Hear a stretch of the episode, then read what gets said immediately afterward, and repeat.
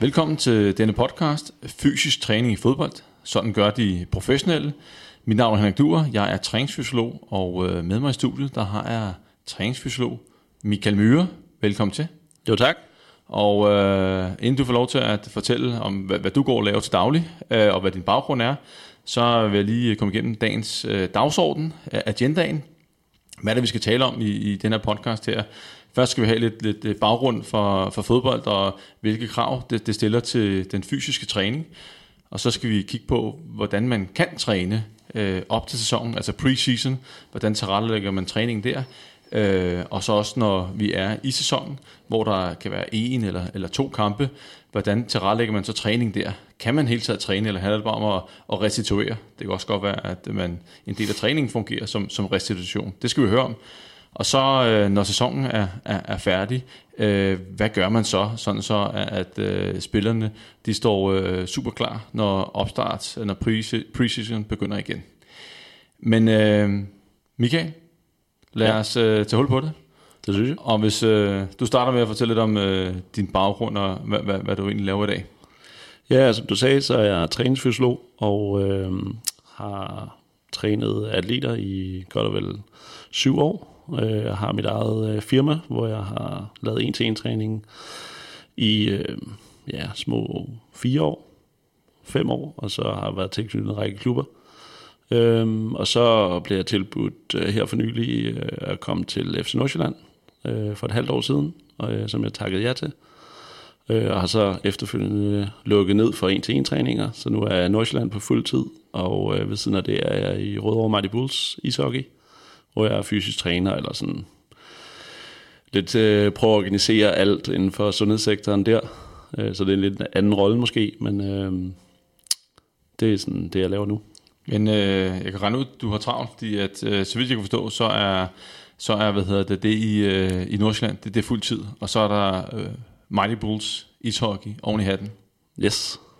Og øh, hvis inden vi går til, til selve fodbolden og baggrunden for det, så øh, altså, øh, det kan jo være svært at sammenligne øh, selvfølgelig øh, ishockey, hvor der ikke er så mange penge i, som, som der er i fodbold. Men, men øh, sådan rent træningsmæssigt, det, det er jo også noget højintenst. Der er noget med nogle sprinter, der er nogle pauser, øh, og der er også øh, selvfølgelig preseason og indseason og offseason. Hvor, hvor ser du sådan de store forskelle på ishockeyspillet kontra fodboldspillet? Bare helt kort.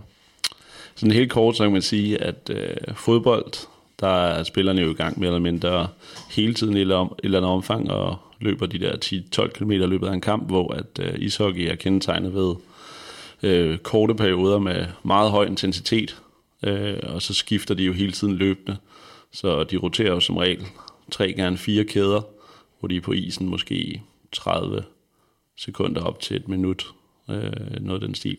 Så på den måde er, er arbejdet virkelig, virkelig højintens i en meget kort periode, og så efterfulgt af en pause, og så bliver de roteret ind igen. Og som siger, en ishockey-sæson, der, der er jo også relativt mange kampe på, på kort tid sammenlignet med fodbold. Ja.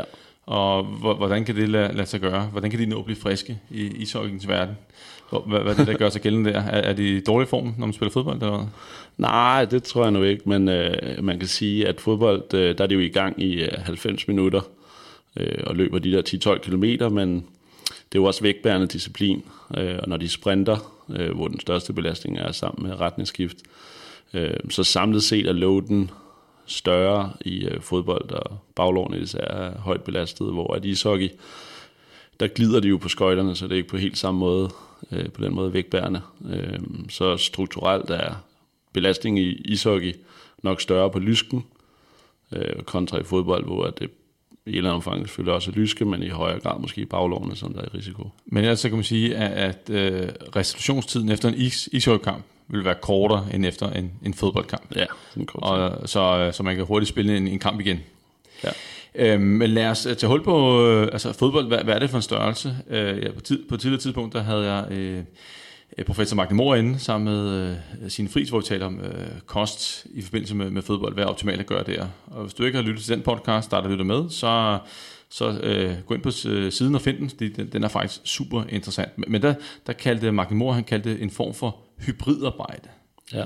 Og hvad, hvad tænker du om den definition? Ja, det passer meget godt. Altså mange steder ser man definitionen, at det er sådan øh, fysiologisk, at det er øh, højintens aerob, der arbejder med et stort øh, anaerob bidrag. Så på den måde det er nok det, jeg tænker, at han tænker på hybridarbejde. Jamen, der er også, man kan sige, der, der er jo, øh, der, de går jo. Der er Lunds, mm. der er øh, mere sådan højintense, længerevarende sprint, og så er der de, de korte sprint, og der, der er spring. Øh, på den måde kommer man vel, øh, vel hele øh, paletten rundt. Hele spektret, hele spektret bliver i hvert fald dækket af inden for bevægelsestyper eller former. Øhm, så, men det er også det, vi prøver at monitorere, når man sådan, øh, får data fra kampe, og så se, hvor meget har det egentlig lavet, og hvad er det for nogle tal, vi hele tiden skal kigge på. Er det relevant at kigge på, hvor langt de har løbet, eller er det mere relevant at kigge på, hvor mange meter har de sprintet over et eller andet fart. Og hvad i, i sådan en kamp der, hvad, hvad er det, som trækker øh, flest tænder ud? Er, er det de, de gentagende sprints? Øh, fordi, altså man taler om, øh, de løber jo, som du selv sagde, 10-12 km i løbet af en kamp. Mm. Og tænker, det, er, det er jo ikke særlig meget på, på halvanden time. Ja. Men hvad, hvad er det, der, der uh, trækker tænderne ud der i, i sådan en kamp? Hvorfor er det så, tager det så lang tid at blive, blive frisk igen? Ja, men som du selv siger, så det er de gentagende sprinter, de lange sprinter, de der højintense aktioner, som der nogle gange varer i måske 10 sekunder, hvor de jagter bolden rundt, eller en modspiller rundt, eller at holdet øh, laver øh, pres på modstanderen over hele banen øh, øh, over en periode, og det er jo klart, at det er så højintenst arbejde, det kan man ikke blive ved med at gøre, så man bliver nødt til at på en eller anden måde også øh, få pauserne ind imellem.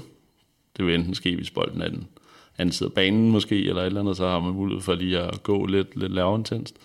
Eller simpelthen som hold øh, trække ned, og så lige spille lidt mere rundt for at øh, få lidt øh, energi tilbage, for at så køre på igen. Øh. Og, og, og hvad med øh, altså, hen over en kamp, 2 gange 5 minutter, og de har der et, et kvarters pause undervejs, men intensiteten, øh, den falder vel hen over kampen. Altså antal gentagende sprinter, hvor hurtigt de løber og, og så videre. Øh, har du en idé om, hvor meget der er fra start til slut, hvor, hvor meget det falder? Altså de bliver jo trætte undervejs. Ja, det gør de, det gør de. Øhm, det er sådan lidt forskelligt, fordi hvis man sammenligner første til anden halvleg, øhm, jeg synes ikke, der er så kæmpe forskel. Øhm, men det er som regel de sidste 20 minutter, at man ser, at, at øh, hvis formen ikke er der, eller hvis der har været en højintens kamp, at, så er det klart, så øh, er det der, spillerne er trættest, og det kan være lidt svært at lave øh, de samme lange øh, løb eller gentagende sprints. Øh. Så, men procentuelt, så vil jeg skyde på, at det måske falder 10-20 procent eller sådan noget den stil. Det er også en, en pæn chat. Ja. Hvis der kommer en, en frisk spiller ind over på den anden side, man skal stå overfor, ja. som lige kommer ind et, et kvarter før tid. Det kan jo blive sådan en, en kampafgør. Ja, Spe, spekulerer det i Nordsjælland? Ja, det tror jeg, alle klubber nok vil gøre, at man, man ser jo gerne, altså en indskifter burde være det, man kalder en uh, super sub. Han burde jo komme ind og vise noget af en friske ben og spiller mod nogen, der har spillet netop 70 minutter på det tidspunkt. Så han burde jo gøre en forskel ved at være frisk. Og bruger I egentlig data? Øh, jeg ved ikke, om du er du med øh, ud til kampen på sidelinjen, eller vurderer data undervejs? I, I får vel data ind øh, løbende øh, fra kampen. Sidder I så og kigger på, øh, på data fra jeres egne spillere? Øh, hvordan de egentlig øh, præsterer. Nu er der en, der er ved at gå ned. Øh, måske skal han skiftes ud, eller, eller kan man bare se det på banen? Nej, det gør vi faktisk. Altså, jeg er ikke med til alle kampe. Det er Mathias Sangberg, som der er øh, chef fysisk træner, kan man sige, øh, for Superliga-truppen. Øh, Øh, han er med til alle kampe, og der, de spiller med GPS-system øh, på, og der måler det hele. Øh, og han sidder med en iPad og kigger på tallene sådan løbende, men øh, man kan sige, at det er bare en lille brik i det. Så det vil også være at snakke med spillerne visuelt, se hvordan præsterer de, og så kan man bakke det op af nogle data for at se, okay, har han haft 40 sprint, han selv er træt ud, det giver mening. Øh, og så kan det være, at man kan sige det til cheftræneren og sige, øh, jeg tror, at, øh, at Tanke er lidt træt i dag, eller et eller andet. Ja, fordi at man kan sige, fodbold, er, altså en ting, der, der har altid været en, der har altid været en historisk udvikling, også med hensyn til den fysiske træning, og hvor meget, øh, hvor mange øh, sprints der er på banen, og, men der er vel også en, en udvikling i øh, data. Det må man sige. Og opsamling af data, og, og hvad man bruger den til. I høj grad, i høj grad. Det er jo sådan meget uh, big data, og hvis der er en ting, der udvikler sig meget øh, inden for fysisk træning, så er det netop, øh, hvor mange data man efterhånden har. Og øh, man har så mange data nu, at udfordringen går på at udvælge de rigtige data, og øh, sørge for, at det er brugbare data, og så hvordan skal man overhovedet øh, agere på, når vi ser de her data. Øh, fordi at man kunne fylde tre data scientists og 27 Excel-ark med alt det data. Øh. Ja, fordi en ting er data under kamp, øh, en anden ting er altså også data for træning, og det, det kan, kommer vi tilbage til, når vi snakker mm. øh, altså, før sæsonen, altså, og også under øh, sæsonen. Altså, hvad, hvad kigger man på der øh, med hensyn til den fysiske træning? Men, men hvis vi lige tager øh, et, øh, sådan at kigge ud i fremtiden, nu som sagt, det, det der data-ting game, det er, jo, det er jo først egentlig lige begyndt, og der kommer lavet meget data ind. Hvor, hvor tror du, det, det, det ender hen? Hvad, hvad, hvad, hvad tror du sådan en fremtidsscenarie er? Ja, det går nok kun øh, fremad med at indhente data i hvert fald. Der kommer flere og flere systemer, og man måler og tester og ser, om spillerne er klar, og får mere og mere udviklede systemer for at måle præstationen på banen. Øhm, så jeg tror egentlig bare, at datamængden stiger. Jeg tror, det der vil ske, det er, at man nok bliver mere og mere skarp på, hvad er det for nogle data, man så egentlig faktisk skal kigge på, som det giver mening. Øh, og øh, jeg har altid været tilhænger af, jeg synes, data kan nogle gange godt blive lidt for meget. Altså sådan men på den måde, at, at hvis man drukner i data og kigger kun på data, så glemmer man nogle gange det, den subjektive og snak med spillerne, og hvordan har de det, og hvad er det for nogle data, vi får ind. Så jeg tror egentlig, at på et eller andet tidspunkt, så vil man nok se, at, at der er sådan en opfattelse af, at der er simpelthen for meget data, så vil man nok går over til at udvikle, eller sådan ligesom kigge på måske fem parametre, og så ligesom huske den subjektive del af det. Øh, I bund og grund bare snakke med spilleren. Hvordan har du det? Ja, det var altid godt. Det var, det var måske, øh, selvfølgelig kan han så sige en ting, og, og data viser noget andet. Det er jo så interessant, men, men, men jeg sidder også og tænker, øh, ude i fremtiden, altså med sådan som kunstig intelligens, machine learning, øh, he, hele muligheden, altså kan, kan man og få sådan en, en robottræner, der egentlig styrer øh, den del af, af, af det, ud, bare helt, øh, altså ud fra data og videoanalyser, alt Nej, jeg tror, der er for meget øh, coaching. Øh, altså coaching er jo det altafgørende. Nej, du tænker, jeg, jeg tænker mest under kampen. Nå, at, at, ja. at, at, der bliver vurderingen taget ud fra en hulens masse data med træthed, fejlprocenter, øh, alt. Ja. Jeg tror, at der er ingen tvivl om med, med den udvikling, at man vil nok se noget automatisering af det, både i træning og i kampe, sådan at det måske ikke er en fysisk træner, der behøver at nødvendigvis at sidde og kigge og analysere selv dataene på stedet, men at der udvikles noget, som der får en masse data ind automatiseret, kigger på det, og så kommer op med en eller anden, du ved, sådan, han er i rødt felt baseret på de her syv parametre, eller i træningen. Ham her bonger ud på øh, tre røde flag inden for wellness og diverse andre ting, så popper der noget op, og så kan man så derfra tage det. Og lige nu, der sidder vi jo reelt set med dataerne. Hver morgen skal Mathias og jeg kigge wellness scores igennem, snakke Og når du siger wellness scores, så, så øh, hvad, hvad går det ud på? Jamen, øh, spillerne, øh, hvad hedder det nu, hver morgen melder de ind, og så har vi defineret nogle spørgsmål, sådan der sådan breder sig over, hvordan har du det, hvor øm er du, øh, er du sådan ømhed i forskellige muskelgrupper, de er relevante, øh, hvor godt har du sovet, hvor lang tid har du sovet. Øh, og så får man scoren op i vores øh, online sådan portal, og så sidder man sådan og får et overblik over truppen.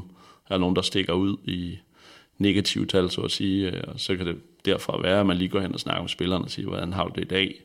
Vi kan se, at du ikke har sovet, og så tager man ligesom snakken derfra. Hvor stort fokus har øh, det med den fysiske træning øh, op i, i Nordsjælland? Den er stor. Altså, øh, bare det, at jeg er blevet ansat, øh, hvis man kigger sådan lidt rundt, så er det jo ikke... Øh, Nordsjælland i sig selv er jo baseret på talentudvikling. Øh, det er jo en yngste trup, tror jeg, stadigvæk i Europa. Øh, så hele essensen og drivkraften i Nordsjælland, det er jo talentudvikling eller udvikling af spilleren. Og salg af dem. Og salg af dem. det er jo en del af sporten. Øh, man sige, det er jo, øh, øh, nu skal vi måske spørge direktøren, men det er vel kerneforretningen. Det er vel øh, udvikle talenterne, og så tidligt som muligt give dem nogle kampe, så det, værdien bliver øget, og så øh, få, få dem skudt af. Det tror jeg, ja, det tror jeg ikke er nogen hemmelighed, at øh, det er jo klart, at øh, de skal jo, alle, alle vil jo gerne have nogle penge ind i øh, forretningen, den skal jo gerne køre rundt. Øhm, så det er jo klart, at videre salg, eller salg af spillerne er jo selvfølgelig alt for mega på den lange bane, men sådan den der udvikling, altså der er FC Nordsjælland unik, altså sådan hele bygningen driver af at udvikle spillerne på alle parametre, øh, både som mennesker, men også som fodboldspillere. Og øh, der, der er en fysisk træning en stor del af det. Og, og, og hvor tidligt starter I? Altså, handler det om, at, fordi at hvis I skal i det yngste hold i, øh, i Europa, så skal vi også starte så tidligt som muligt med at bygge de der helt unge øh, ta- talenter op. Uh, hvor- hvornår øh, kommer det ind i maskinen og begynder med fysisk træning hos jer? Er det for 6 års alderen, så siger vi, hvis vi har, der er talent med på 6 år, så øh, giv os 10 år, øh, i- ifølge vores koncept, jamen, så har vi en, der er Superliga klar, eller hvor- hvor- hvordan er det? Øh, jamen nu er det jo ikke min, altså jeg har kun været der Nå, Nå, ja, på sådan yes, et halvt ja. år, så jeg skal også øh, passe på med at udtale om noget, som jeg ikke er 100% inde i, men øh, altså vores akademi, vi har et akademi øh, i Danmark, og så har vi Right to Dream i Ghana, øh, og øh, på, altså der har vi jo U14, U15, U17, og vi har også nogle træninger for de yngre årgange, øh, og hvor langt det 100% går ned, det er jeg faktisk ikke helt styr på, Okay, men, nej, nej. men det starter der omkring, de fleste klubber har jo fra U10, U9 og så op efter. Og der starter man også med fysisk træning, ud over selve fodboldtræningen. Øhm, altså jeg vil sige, at det er et eller andet grundelement, men det er jo også der, hvor at, øh, ressourcer i et eller andet omfang kommer ind. Og hvad hedder det? Øh, der, hvor at, øh, der er mest fokus på det, det starter sådan fra u 14-15, øh, hvor der er fysisk træning, og så stiger det jo derfra op igennem øh, u 15, 17, 19, og så til Superligaen. Og hvis man kigger øh, bare kort om, om, om Nordsjællands setup, er hele den, den, den fysiske stab, medical og det hele, at den afhængig af, hvilken cheftræner der er. Øh, fordi nogle gange, når der kommer en, en ny cheftræner, så kan det være, at han har sit eget hold med. Hvordan er det? Øh, Skal han bare, den nye, hvis der kommer en ny cheftræner, han er bare en brik i en stor maskine, som er fast defineret, eller Nej, igen, nu skal jeg passe på, med, ja, Ja, sådan, selvfølgelig. så meget er jeg ikke ind i det, men Nej, nej. altså man kan sige, at øh, Kasper Julemand øh, var træner før, og øh, hele bygningen, altså, altså alt i Nordsjælland er jo baseret på et koncept omkring de her ting med at udvikle spillerne.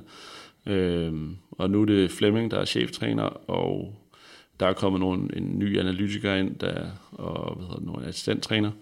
Øh, men for eksempel Mathias Sangberg, han har været der i, jeg tror det er 9 eller 10 år nu. Øh, Så han har bare været på plads igennem alle, øh, alle cheftræner igennem tiden. Øh, Så, så jeg tror, at, øh, at man finder Flemming øh, er jo garant for det, som FC Nordsjælland står for. Øh, Så jeg tror, de finder nogen, som der passer ind i det, de gerne vil. Øh, Og jeg er svært ved uden at gætter jeg bare, men Nej, nej, men, men, men nogle gange har man jo set det der med, at så, så bliver det helt ryddet, når der Ja, ja, ja. kommer en, en, ny træner. Men lad os hoppe tilbage til, til, til selve fodboldspilleren. mm.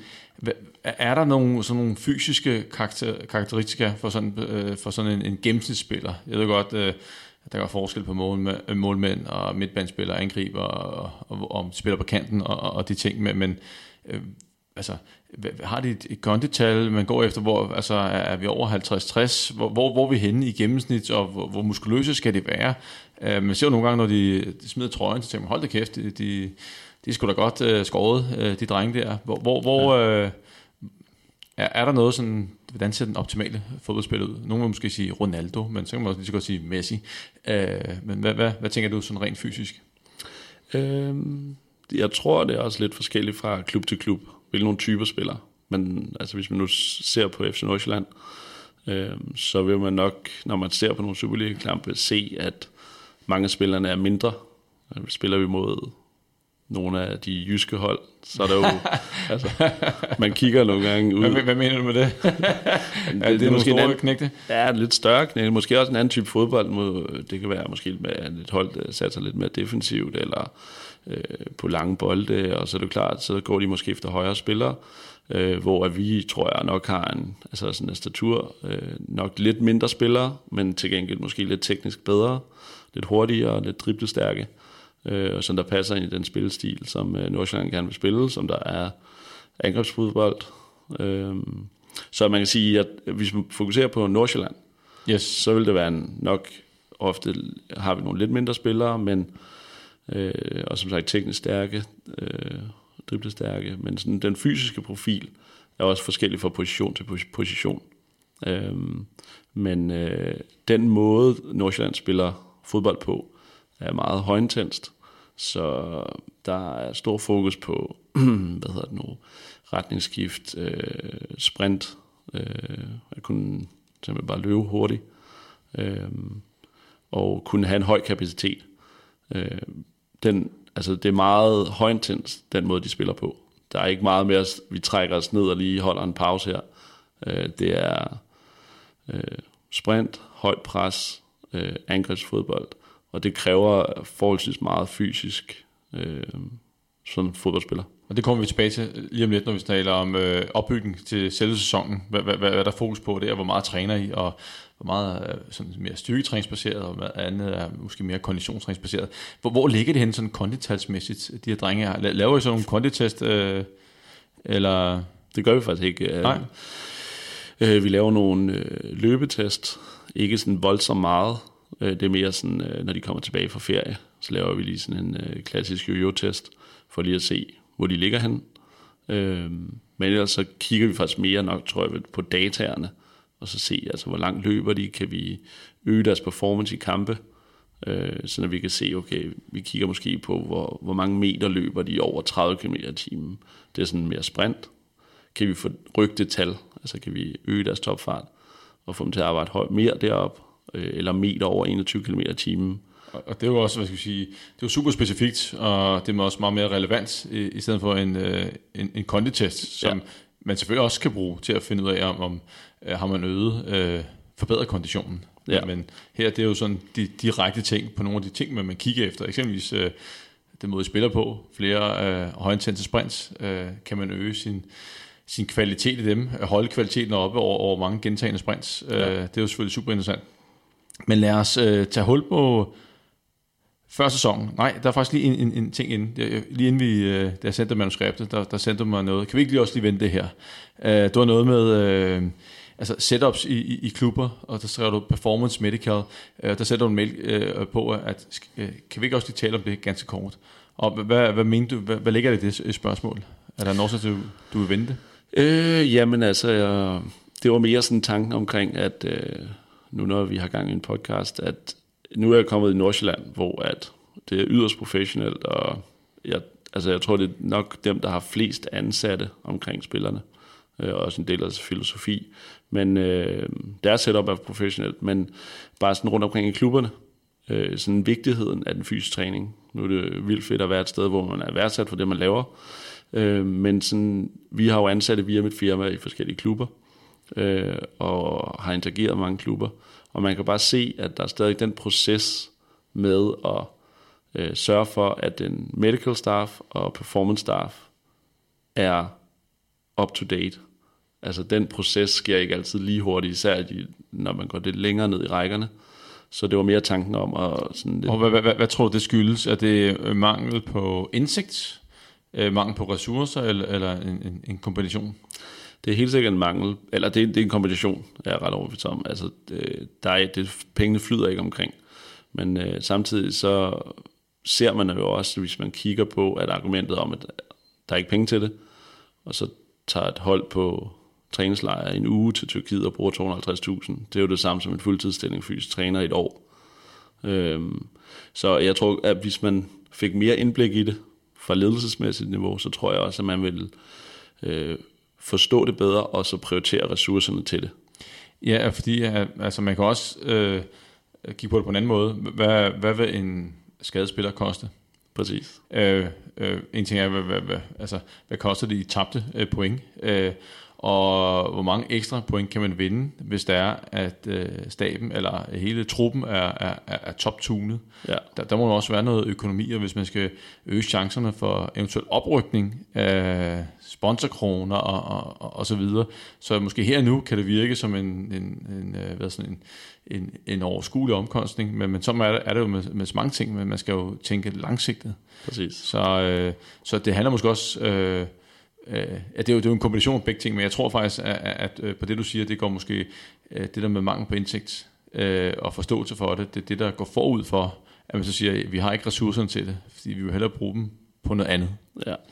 Men, øhm, den, men det er også fordi, at dem, der ofte tager beslutninger, det har jeg tit sådan tænkt over. Da jeg var i Nordsjælland, der var jeg jo, da jeg blev kaldt ind til samtale, der sad jeg med Mathias, fysisk træner, jeg sad med øh, Penalver, som der var chef for medical, og chef for både Performance Medical nu, og cheftræneren. Det vil sige, at, at de spurgte jo om relevant ting. Man sad og følte, at okay, de vil finde den rigtige person.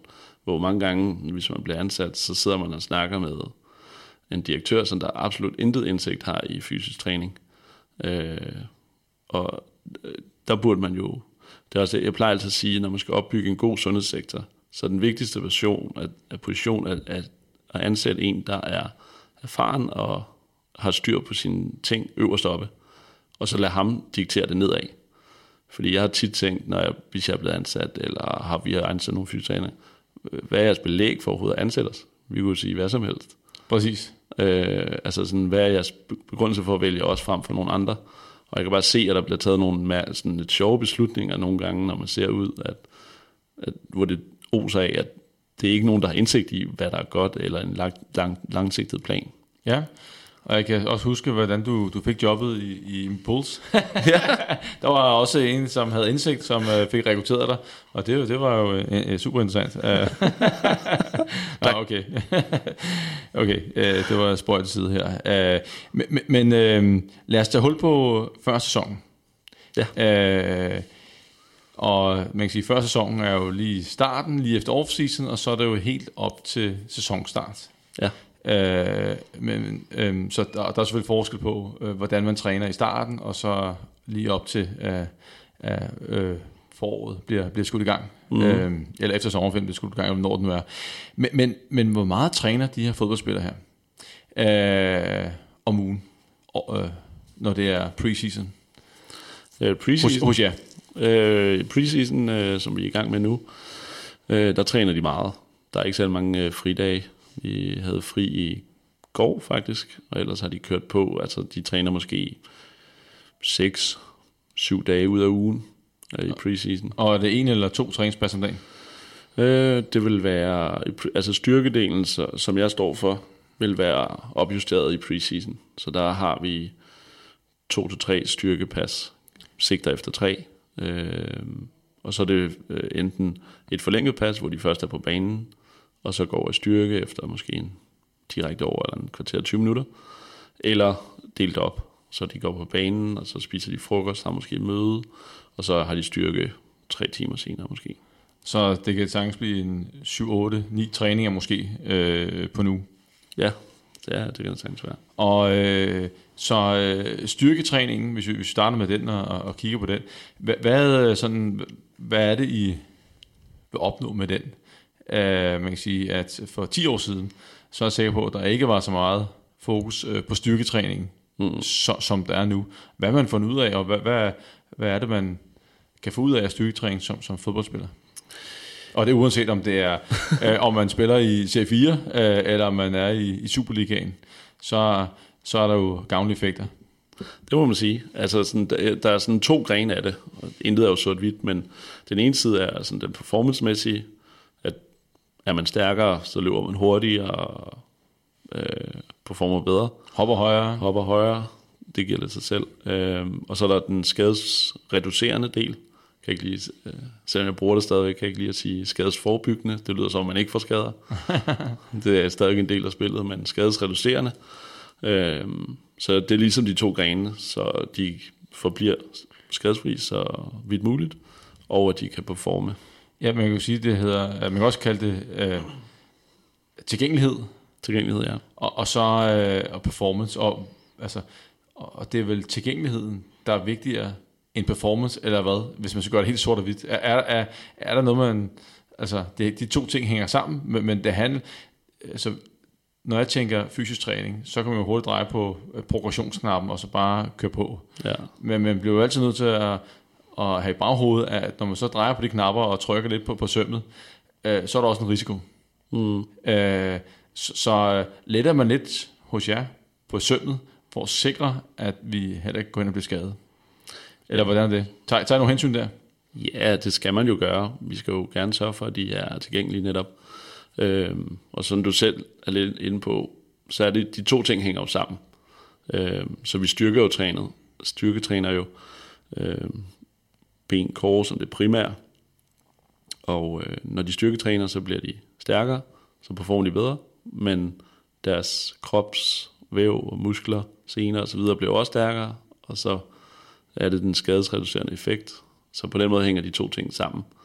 Øhm, men jeg vil så sige, at... Men jeg kan også tænke på, at man, selve progression i træningen, mm. øh, der kan man også lave en, der er lidt sådan en aggressiv tilgang for at sikre, at de er så stærke som overhovedet muligt til sæsonstart, eller man kan vælge en, der er lidt, en lille smule roligere, ja. og så sikre, at, at der er ikke nogen, der får overbelastningsproblemer øh, undervejs. Helt sikkert, der tror jeg at også øh, klubbens filosofi spiller ind. Øh, jeg kunne forestille mig, at nogle af de, øh, hvad kan man sige, øh, uden at nævne nogle navn, men altså sådan, øh, de klubber, som der er med i europæisk fodbold, og spiller rigtig mange kampe, og så, hvor der er krav om, at vi skal vinde Superligaen, eller målet er, at vi skal vinde Superligaen.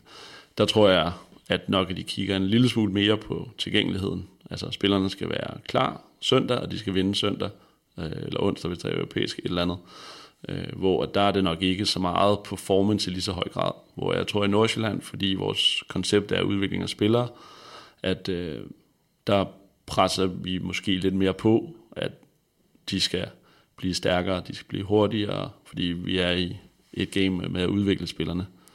Og hvis øh, vi tager sådan en styrketræning i, i starten af sæsonen, øh, hvor, hvor tungt løfter det egentlig? Altså, hvor mange reps tager de, og øh, bliver det sådan relativt tungt og eksplosivt øh, i kombination med også lettere vægter og mere eksplosivt i slutningen af, af hvad skal vi sige, opstartsperioden.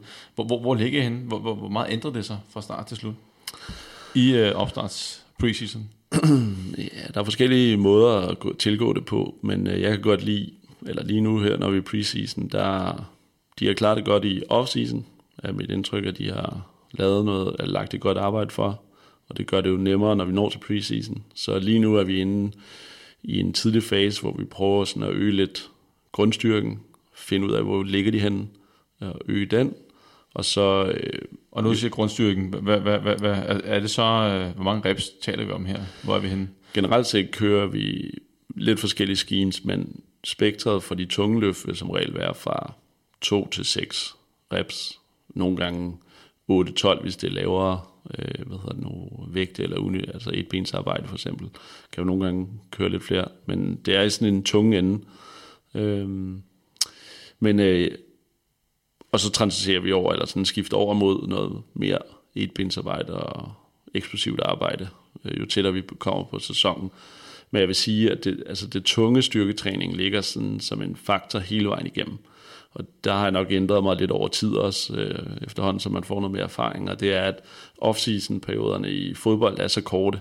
Nu her havde de måske 3-3,5 uge, og så har de en sommerferie på et tidspunkt på måske to uger. Så den der tankegang, som man nogle gange har fra andre sportsgrene, hvor at off-season, der skal man rykke sig. Ja, du har to-tre uger, det er begrænset, hvad du kan rykke dig. Ja, og det er vel en, en, øh, en kæmpe udfordring, at, at øh, modsat måske håndbold øh, andre, hvor du har flere måneder til, til at bygge op, så er det jo relativt kort. Vintersæsonen er, eller ja, fra december til, hvornår starter igen? Februar? Ja.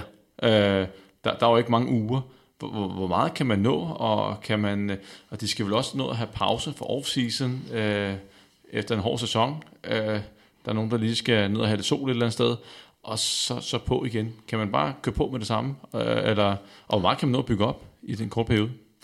Ja, altså lige for at slutte den af, så er det mere, øh, øh, altså min tanke er grundlæggende, især her i Nordsjælland, hvor man har med unge spillere, at de skal sådan set forbedre sig hele året. Øh, og den kan vi også lige vende tilbage til, men det er i hvert fald tankegang. Altså sådan, der er ikke noget sådan, nu, nu kører vi kun styrke, og så vedligeholder vi. Altså, vi kan forbedre os over hele året, det bliver vi nødt til at tænke, fordi ellers så er det for kort periode at arbejde med. Men altså sådan øh, off-season, øh, i hvert fald øh, her i Nordsjælland, der er det, har det været de der 3-3,5 uge, hvor vi ligger op til, at øh, det var sådan set lidt frit, de, de må gøre, hvad de vil. Øh, så vi kan kun anbefale, lave anbefalinger, men øh, de får den første uge anbefaler at de holder helt fri, øh, for at give kroppen pause, ro, hovedet øh, lige koble af, og så siger vi, at de sidste to, to og en halv uge op til de møder ind til testning, at øh, der, der begynder de at løbe og styrketræne, og så får vi nogle, giver vi dem nogle rammer med, øh, som de kan bruge, hvis der er, de har lyst til at træne. Og det vil sige, nu siger du, at de skal forbedre sig hele året igennem. Det vil sige også, det kommer vi tilbage til om, om ikke så lang tid, når sæsonen er skudt i gang, og, og der er kampe, en og to kampe, øh, bliver der så stadigvæk øh, skruet på den fysiske træning med henblik på, at de skal blive endnu bedre, endnu stærkere hen over sæsonen. Øh, er, er der fokus på det også der? Ja, men øh, med det lille mente, at øh, det er også, hvad man anskuer det, fordi at, øh, at øh, jeg er ikke vild med, at man jager tal.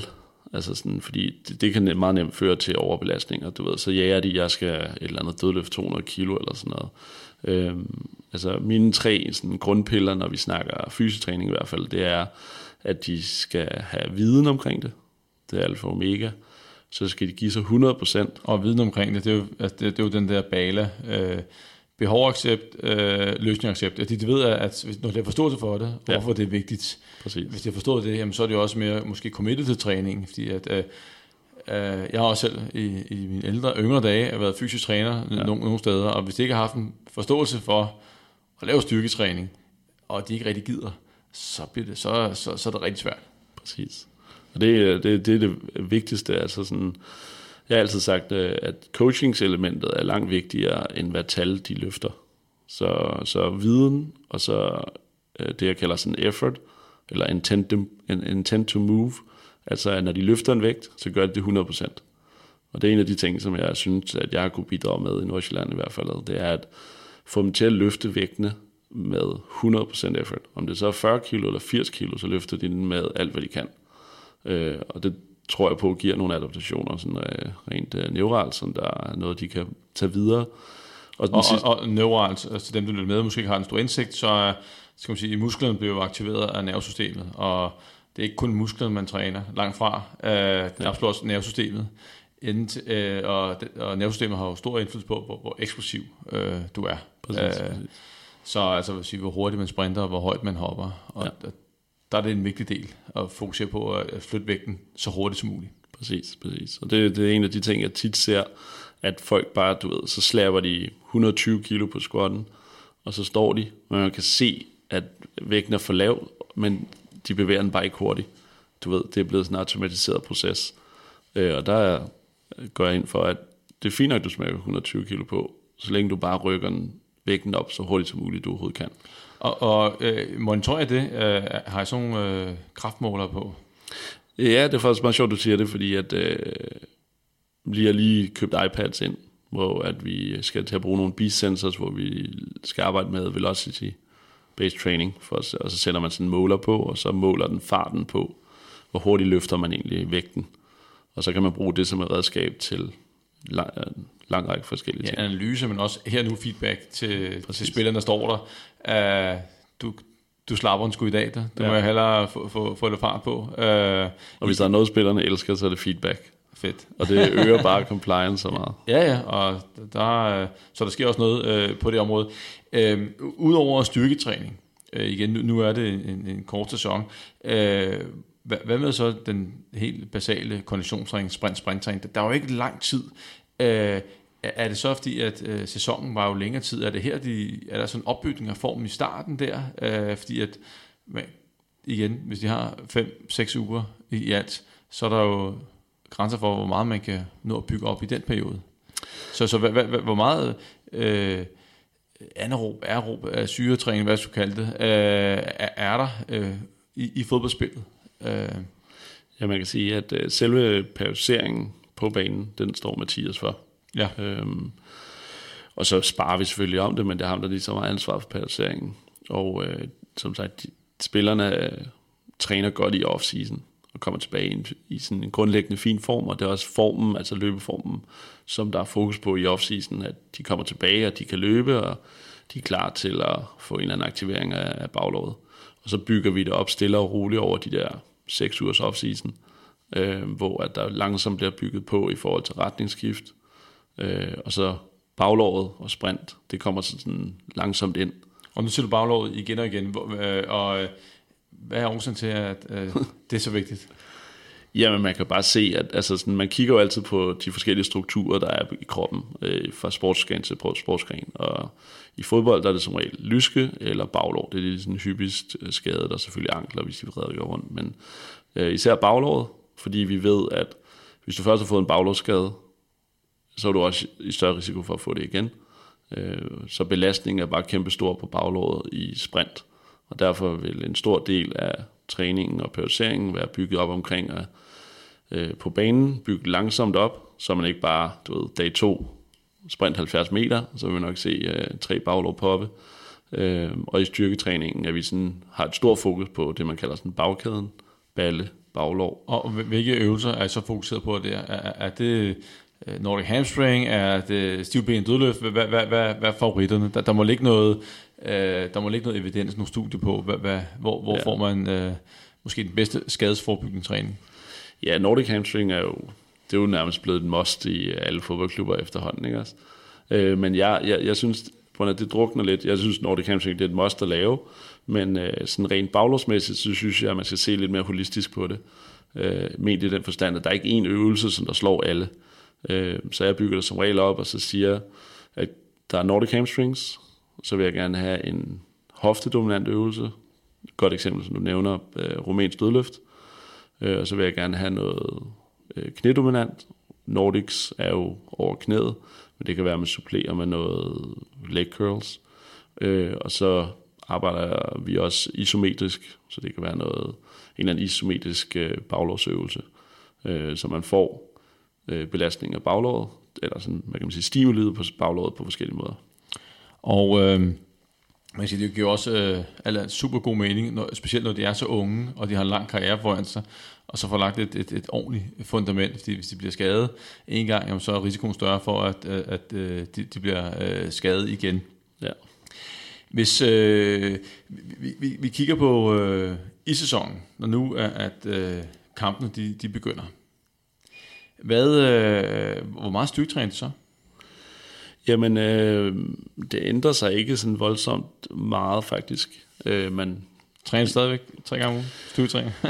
Nej, altså i preseason, der prøver vi at ramme tre gange, øh, eller få så meget ind, det kan lade sig gøre for kampe og så videre. Så, så der, der, der er det ligesom et mål om i periodiseringen, at vi vil have styrke, så meget styrke ind som muligt, øh, som det tillader sig, og det vil så være to, gerne tre. I sæsonen, der træner styrketræner de to gange om ugen. Og, og, og det, øh, nu, nu de er så unge, de spiller, og så relativt uerfarne inden for styrketræning. Det øh, altså deres træningshistorie kan jo umuligt være, være super lang med, med den hårde, tunge styrketræning. Øh, så antager jeg vel, at de løfter deres styrke hen over sæsonen. Eller hvad? Eller kan de øh, nøjes det med at holde den?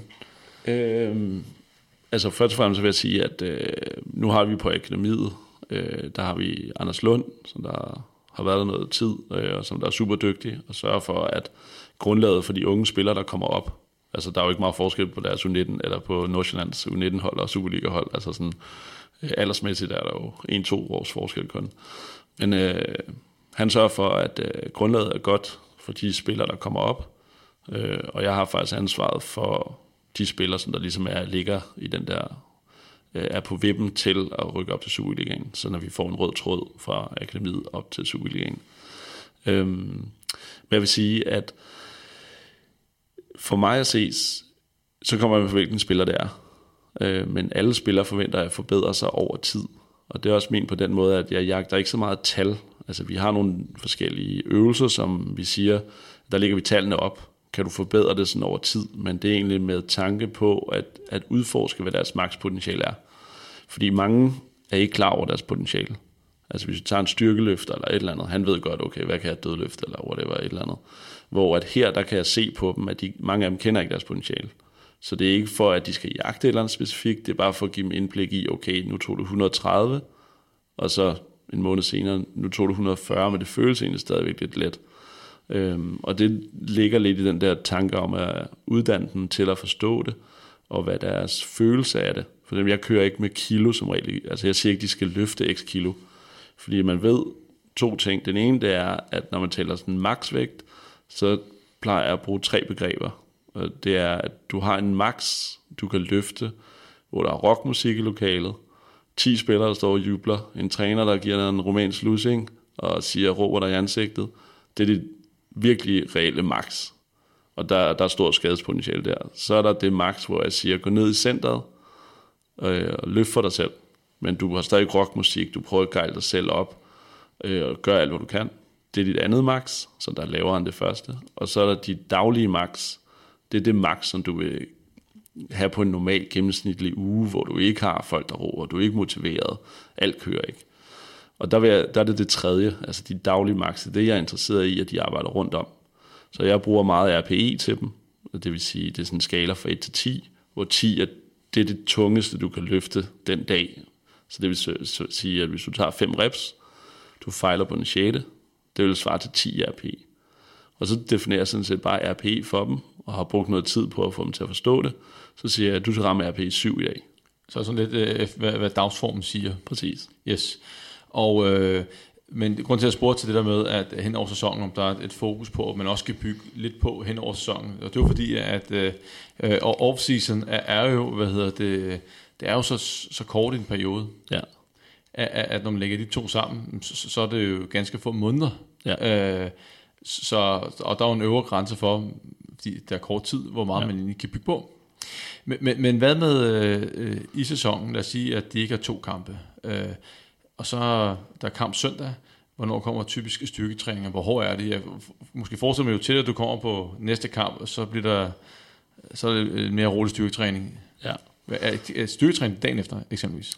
Øh, nej, igen, der ser man forskellige opsætninger i klubberne, men øh, i Nordsjælland, der har vi sådan, at øh, de møder, hvis de spiller søndag, så møder de ind øh, mandag, øh, og der har de en let træning på banen for den, der har spillet kamp.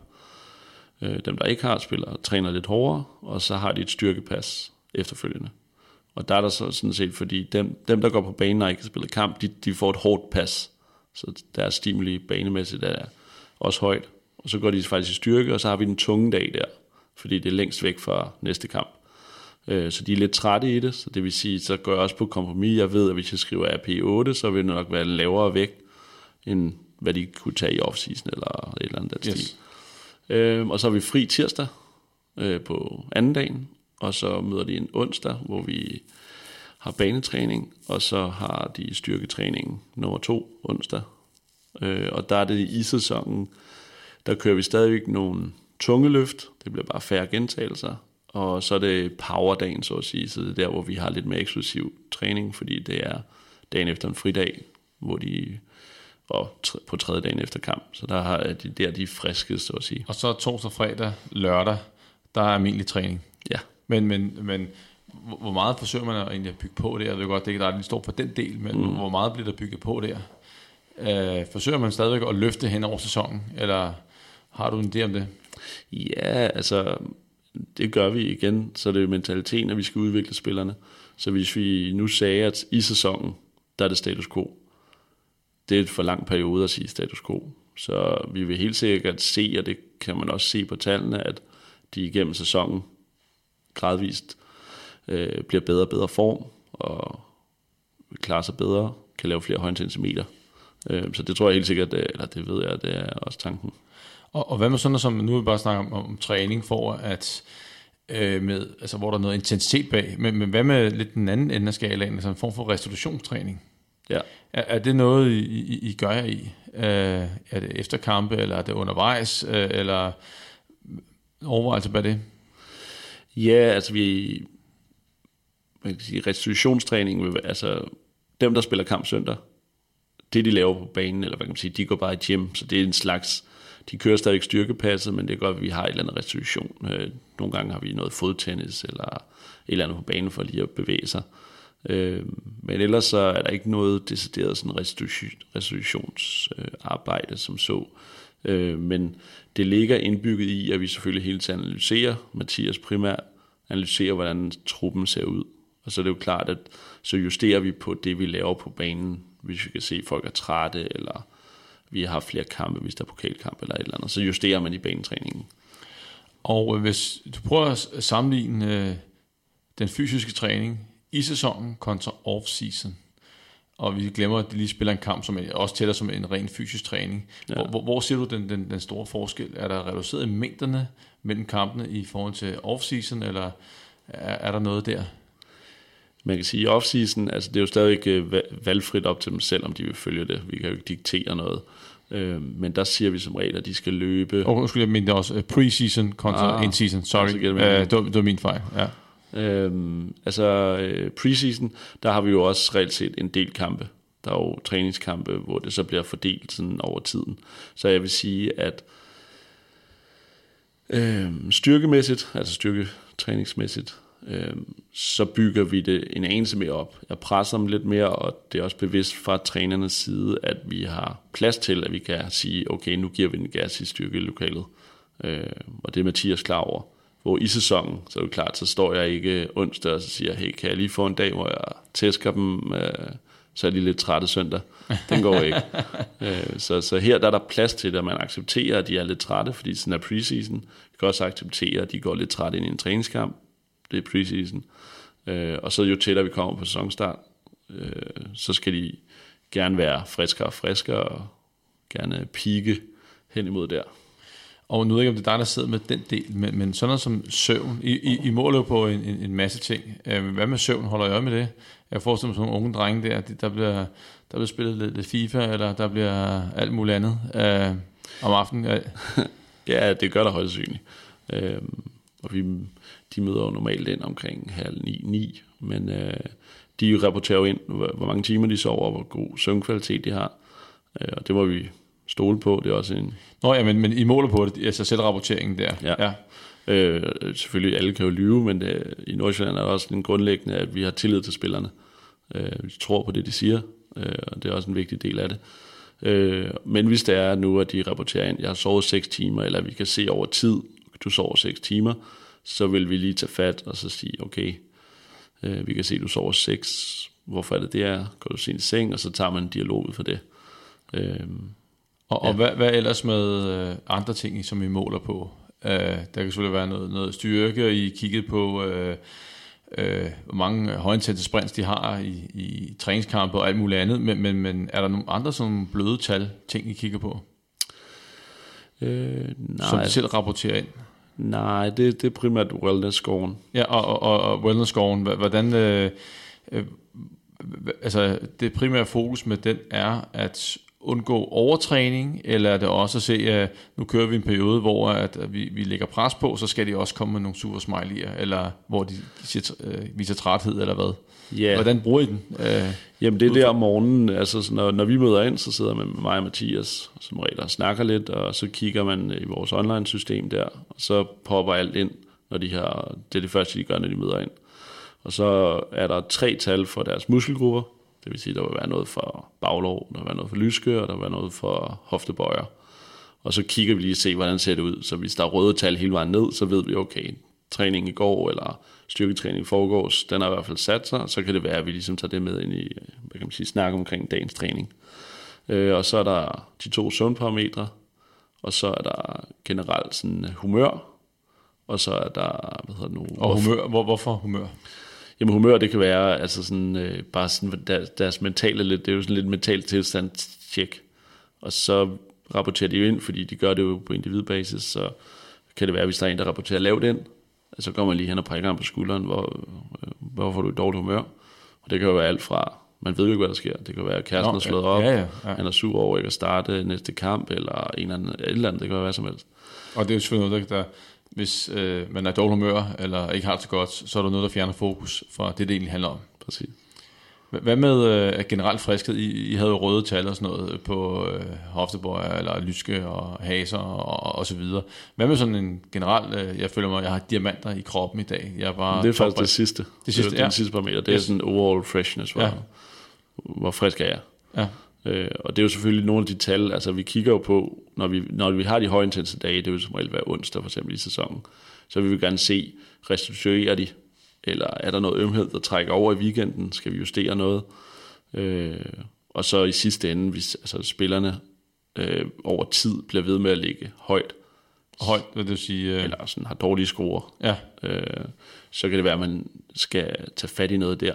Øh, nogle gange sætter vi også ned til fysen, Altså det kan være, at vi en eller anden, der generelt bare bliver ved med at stige i smerte på hoftebøjeren, men ikke rigtig har nogen issues på banen, der har nævnt noget, så gør vi lige prikker ham på skulderen og siger, hvad er det, og tager en snak, og så kan det være, at vi sender ham til fysen, for lige at få det tjekket, eller have en snak med fysen. Og hvad med den omvendte vej rundt? Nu kigger jeg kun efter røde lamper, men hvad så hvis en, der bare er frisk, frisk, frisk, altid øh, scorer højt? Mm. Men, men der var jo nogle tidspunkter på året, preseason, at man skal være lidt træt. Tænker jeg så aldrig, at så skal vi lige øh, dreje lidt mere på knapperne, eller er det et udtryk for, at personen ikke giver sig til træning? Hvad, hvad, Kigger I nogensinde på det? Øh, ja, altså jeg vil mere sige, at, at det er positivt. Det er sjældent, at man ser, at de bare lyser grønt hele tiden. På af preseason er de træt, i sæsonen er de træt, så der vil altid være nogen, der slår ud. Øhm, det er mere, at det, det helt friske, det er sådan dagen før kamp. Altså, vi, vi vil gerne se, at de sådan dagen før kamp altså, melder ind, at de er sådan nogenlunde friske. Ikke Altså, Øh, men ellers så vil jeg sige, at øh, det, det ligger mere i periodiseringen. Vi måler jo alle data, så vi får GPS-data, så der bliver tastet ind hver eneste dag. Og så kigger vi jo på, hvor mange, altså alle tallene for banetræningen. Og det har vi jo den klassiske sådan AC-ratio, hvor vi har data for fire uger tilbage, og så kigger vi på, hvad, hvad har de lavet den sidste uge. Og der er det den der, sådan, rent, det kan man altså diskutere, men den der AC-ratio, hvor de gerne skulle ligge. Og nu siger AC-ratio, så er det? Acute chronic uh, ratio. Sådan, så den kroniske, det er, hvad de lavede fire uger tilbage, sådan gennemsnitligt. Og så en uge tilbage, den akutte. Så hvad laver de lige nu her? Og i bund og grund kan man formulere det som at sige, at vi vil godt undgå spikes. Det vil sige, at vi vil godt undgå, at den, at den sådan på den korte bane stiger helt vildt vores belastning. Øhm, og så kigger vi på ratioen der, og så øh, prøver vi at dosere lidt af spillerne så godt som muligt. Ud for det, så kan det være, at vi kan se for eksempel, at øh, en eller anden spiller mangler sprinter. Så kan det godt være, at vi tager ham ud øh, i den individuelle del, som der ligger efter hver træning mere eller mindre, og siger, okay, du, du og du, du skal lige sprinte. Øh, og så får de nogle sprints. Yes. Og øh, nu er vi småt ved at være ved vejs ende. Vi har jo været igennem øh, uh, off-season, pre-season og, og in-season, og have en, et indblik i, hvert fald, hvordan de gør det op i FC Nordsjælland, og, uh, og, og det med data, det, det, det fylder rigtig, rigtig meget, og, og kommer til at fylde mere i fremtiden, på, med hensyn til, hvordan man øh, forbereder uh, fodboldspillerne fysisk, og selvfølgelig også evaluerer på dem uh, undervejs i, ja. uh, i, i, kampen. Og Øh, Øh, så dem, der lytter med på sådan en podcast, det er jo helt sikkert en vis interesse i fodbold. Så en ting er, at de, de sidder og kigger på det, men der er måske også nogen, der spiller. Det er også, at der er nogen, der egentlig er, er, er træner. Og øh, hvis du skal øh, give et, et, et, et par øh, gode råd, bare så meget, meget simpelt, øh, hvad, hvad er det måske noget af det første, de skal fokusere på, hvis vi tager sådan som øh, styrketræning? Hvordan kommer man i gang med det, hvis man ikke har haft det, det, det store fokus? Ja, det første skridt er at ansætte en god øh, fysisk træner. Øh, det er lidt vendt tilbage til den anden der, at, øh, at få ansat nogen, der... Og, og så skal jeg så spørge, hvad er så en god fysisk træner? Øh, det er for det første nogen, der har noget erfaring med det. Øh, øh, gerne, hvis det er muligt i hvert fald. Øh, øh, nogle egen erfaring måske, eller har undervisning i det. Øh, og har en god uddannelse. Altså nu er jeg træningsfysiolog, Øh, og det er ikke fordi, man per princip laver en styrketræning der, men det er i hvert fald et godt fundament for det. Øh, og jeg ser mange klubber, der ansætter fy, fysioterapeuter som fysiotrænere, og de kan godt have kompetencerne, men som udgangspunkt, så er jeg heller ikke fysioterapeut. Jeg, øh, jeg kan godt overlappe nogle ting, men jeg er ikke fysioterapeut. Og altså, det vil sige, du tager ikke skader? Nej, eller det, nu har jeg 20 års erfaring, Nå, så jeg, jeg, jeg, jeg, jeg, jeg, er med på, jeg er med på, hvad du mener, men, men øh, altså, en, en fysioterapeut er jo ikke altid, det ligger jo ikke i deres uddannelse, Nej, at, at de skal være fysiske trænere. Nej. Men alligevel så er de der rigtig mange steder ja. øh, derude, hvorimod at en træningsfysiolog er mere hvad skal vi sige, specialiseret inden for øh, for de ting. Så en, en god fysisk træner, men hvor rekrutterer man med hende? Og hvis man nu bare øh, fodboldspiller, og man spiller Serie 4, og man ikke har sådan en, et, et setup der, og man, så, så skal man have fat i en, en form for persontræner, der, der, der ja. kan hjælpe en med... Øh, Ja, altså det er jo sådan to forskellige ting. Altså det var også derfor, vi mit firma begyndte at, at hvad kan man sige, tilbyde fysisk træner til klubber. Øh, det er jo ofte sådan, de klubber, der har lidt færre ressourcer, øh, men netop for at kunne sige, okay, vi kan tilbyde i hvert fald en, vi kan stå indenfor, som vi har oplært, og vi ved, at han kan sit, sine ting, og så er jeg også med på sidelinjen nogle gange, eller nogle gange til at rådgive. Øhm, men det vender tilbage til, at jeg synes, at dem, der ligesom skal hyre personen, skal have kvalifikationer på plads. Altså det skal ikke være et eller andet, jeg har en ven, der har hørt en ven, eller et eller andet, der har styrketrænet, eller et eller andet, eller han er fysioterapeut, det har jeg hørt er godt. Øh, det, der, der, an, dem, der ansætter, bliver ja, til og, og, og det kan man sige, det, det er jo, øh, og det er måske den største udfordring, fordi at, at øh, øh, de, de fleste mangler jo indsigt mm. på et eller andet område, og, og i mange øjne, så, så kan både bare det at være en personlig træner, eller være fysioterapeut, det er jo sådan ting, hold da op, øh, der, der, så har vi jo, de må vide, hvad de snakker om, ja. og det er jo fordi, folk ikke måske, måske ved bedre. Øh, og det er måske en af de største udfordringer, der er. Jeg synes nu, der var en anden pointe, men som, også det med styrketræning, at når man skal inddrage den, og fysisk træning generelt, øh, det er det der med, med altså tilgængelighed på banen, at man mm. kan spille så mange kampe som overhovedet muligt. Øh, og så er der selvfølgelig den, den, den præstationsfremmende del, af, som, som træning kan give. Den er også øh, super vigtig, men, men man må aldrig nogensinde glemme, at, at hvis Ronaldo han er ude i en kamp, øh, bare fordi man har drejet lidt for meget på knapperne, det kan være de tre point, man, man misser, eller to point, man misser, som afgør øh, mesterskabet. Ja. Øh, så heller lidt, lidt, lidt flere kampe. Er der noget, øh, du synes, vi, vi mangler at, at komme ind på i forbindelse med fysisk træning og, og, og, og fodbold, inden vi runder af? Nej, det var det, du lige, nu spurgte du, så stak det lige lidt af i forhold til sådan ansættelsesprocessen, Nå, men ja. uh, sådan uh, anbefaling i forhold til data, så min erfaring siger, igennem tiden, siger man klart, at, at fordi der er så meget data, at især der, hvor ressourcerne er færre, at så skal man kode det ned, og virkelig, virkelig tage nogle få parametre og fokusere på det. Og hvad, hvad kunne være få parametre? Hvad, hvad vil du øh, kigge på, hvis du var en anden divisionsklub, første divisionsklub, og måske ikke havde øh, ressourcerne, og måske får indsamlet så meget data. Er, er der noget, du vil øh, kigge på, der, der udenbart er vigtigere end andet? Øh, altså hvis de har selvfølgelig har muligheden for at måle det, det kræver selvfølgelig noget GPS-udstyr, men altså i hvert fald udvælge for eksempel antallet af sprinter, lad os sige det. Hvor mange sprinter har de? Øh, hvor mange meter har de over 27 km i timen? Øh, et eller andet, den du har sådan virkelig kodet ned til et eller andet. Det gør, hvad man kan argumentere for langt flere, men hvad synes jeg giver mig mest til at arbejde med i sådan dagligdagen. Øh, og så vil jeg holde mig måske for sådan noget, der, jeg får tit spørgsmål om RPE. Det er jo sådan noget, vi også, de rater jo alle træninger. Så siger jeg, hvor hård var træningen 1-10? Så ganger vi det op med antallet af minutter, og så får man et tal. Og så får man en samlet load for hver dag, når ja. det er lagt sammen. Og, og så kan man jo også få, ja, det var også, det var også interessant, altså hvor, hvor hård træning, hvor mange hårde uh, træninger har man haft over ugen, over måneden. Præcis. Uh, går det i den rigtige retning? Uh, bygger vi egentlig op der, hvor vi skal bygge op? Uh, holder vi niveauet der, hvor vi skal holde niveauet, og trapper ned der, hvor vi skal trappe ned? Det må, man sige, går det efter planen. Men det kan, det kan gå ind i, i klubber som Nordsjælland, hvor vi har ressourcerne til det, men jeg vil ikke anbefale, at man gjorde det lavere. Jeg har selv prøvet at gøre det både i Rødovre Bulls, jeg gjorde det i B93, og øh, det kræver virkelig meget arbejde, og man skal, man, fordi hvis der bare er enkelte huller i dataen, så kollapser systemet. Selvfølgelig.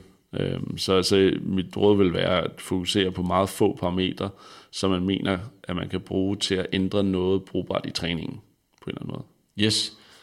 Jeg vil lade det være din øh, sidste øh, berømte ord, vigtige ord. Øh, og Michael, øh, øh, tusind tak, fordi du gad at bruge en, en time med mig i, i den her øh, podcast her. Det var slet. Og Flot. tusind tak til alle jer, der lytter med. Vi høres ved.